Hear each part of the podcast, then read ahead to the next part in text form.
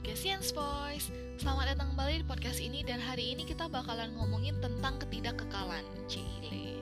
Oke oke, jadi gini Kenapa aku mau mengangkat topik tentang ketidakkekalan hari ini? Karena makin ke sini tuh di dunia sosial kita nih ya Makin terlihat banyak banget orang-orang yang kayaknya gak siap untuk menerima perubahan. Padahal sebenarnya kan perubahan itu terus terjadi setiap saat ya. Nah, karena ketidaksiapan ini juga akhirnya malah memberikan efek ke mana-mana nih bahkan ada yang berefek mempengaruhi kesehatan baik fisik maupun mental loh.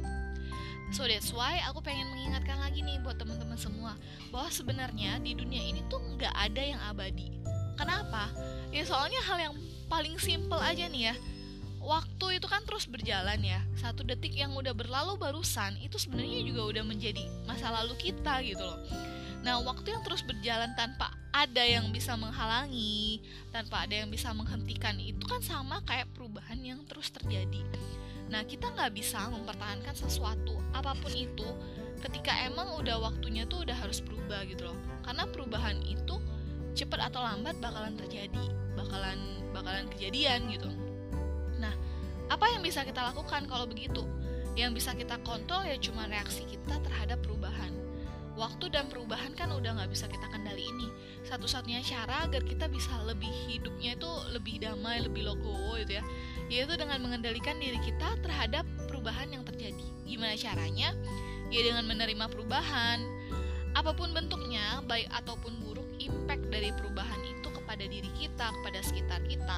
Satu-satunya cara untuk berdamai dengan waktu ya menerima kenyataan dan perubahan yang terjadi dan ini susah banget ya aku sendiri pun masih terus belajar nih terus berlatih soalnya ini udah kaitannya dengan mindset dan mengubah mindset seseorang itu nggak gampang dan kita terlalu sering refleks untuk menanggapi sebuah perubahan yang terjadi Nah, tapi kita juga sering kali lupa nih bahwa setiap sesuatu hal apa pun itu sebenarnya memiliki dua sisi, yaitu positif dan negatif.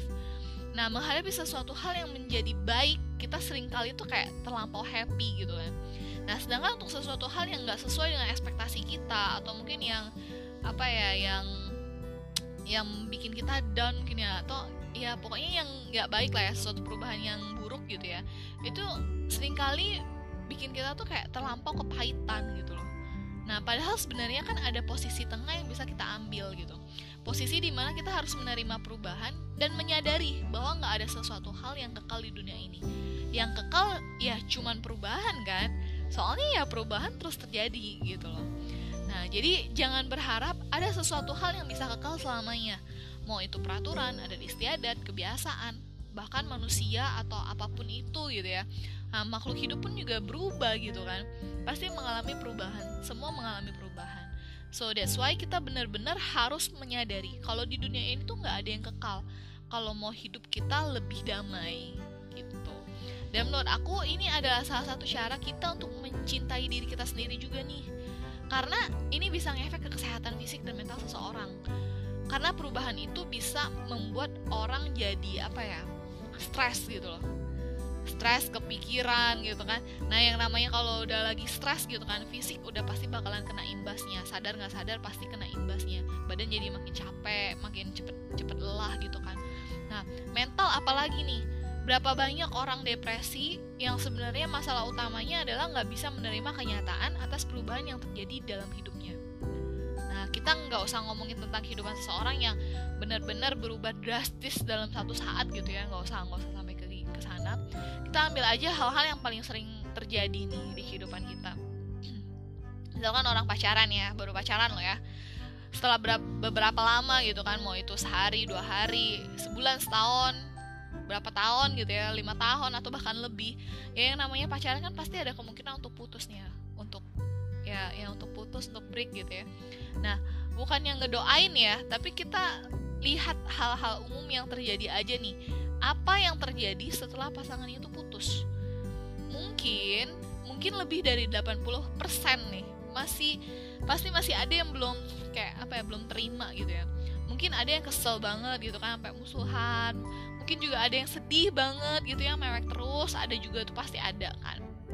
Ya namanya sesuatu hal yang enggak enggak baik terjadi dalam hidup gitu kan. Nah ini kan sebenarnya ngefek ke psikis juga ya. E, berapa banyak nih orang yang kesehatannya tiba-tiba drop setelah putus? Ada mungkin yang sampai masuk rumah sakit ya lama gitu ya. Ada juga mungkin yang mencoba hal-hal yang tidak diinginkan gitu ya. Hal-hal ya sih hal-hal yang di yang dengan kebodohan gitu ya yang yang dilandasi dengan kebodohan gitu ya dan berapa banyak juga orang-orang yang depresi bahkan karena case-case kayak gini banyak banget kan nah di sini aku bukan mau menyepelekan ya justru aku pengen menyadarkan nih ini contoh yang kita sering temui di kehidupan sehari-hari Berapa banyak case-case yang lebih berat dari perkara putus cinta yang bisa bikin kesehatan seorang tuh drop bahkan hingga depresi. Banyak banget. Padahal sebenarnya masalah utamanya itu cuma satu, dia nggak bisa menerima perubahan yang terus terjadi. Terlalu berharap akan hadirnya kekekalan. Padahal kekekalan itu udah hadir dalam bentuk perubahan. So, aku berharap setelah mendengar podcast episode kali ini, teman-teman semua bisa semakin aware dengan diri kalian sendiri juga menyadari bahwa di dunia ini nggak ada yang namanya abadi, nggak ada yang kekal. Satu-satunya hal yang abadi yang kekal ya adalah perubahan itu sendiri gitu. That's why mari kita bersama-sama mempersiapkan diri untuk menerima setiap perubahan yang terjadi dalam hidup kita.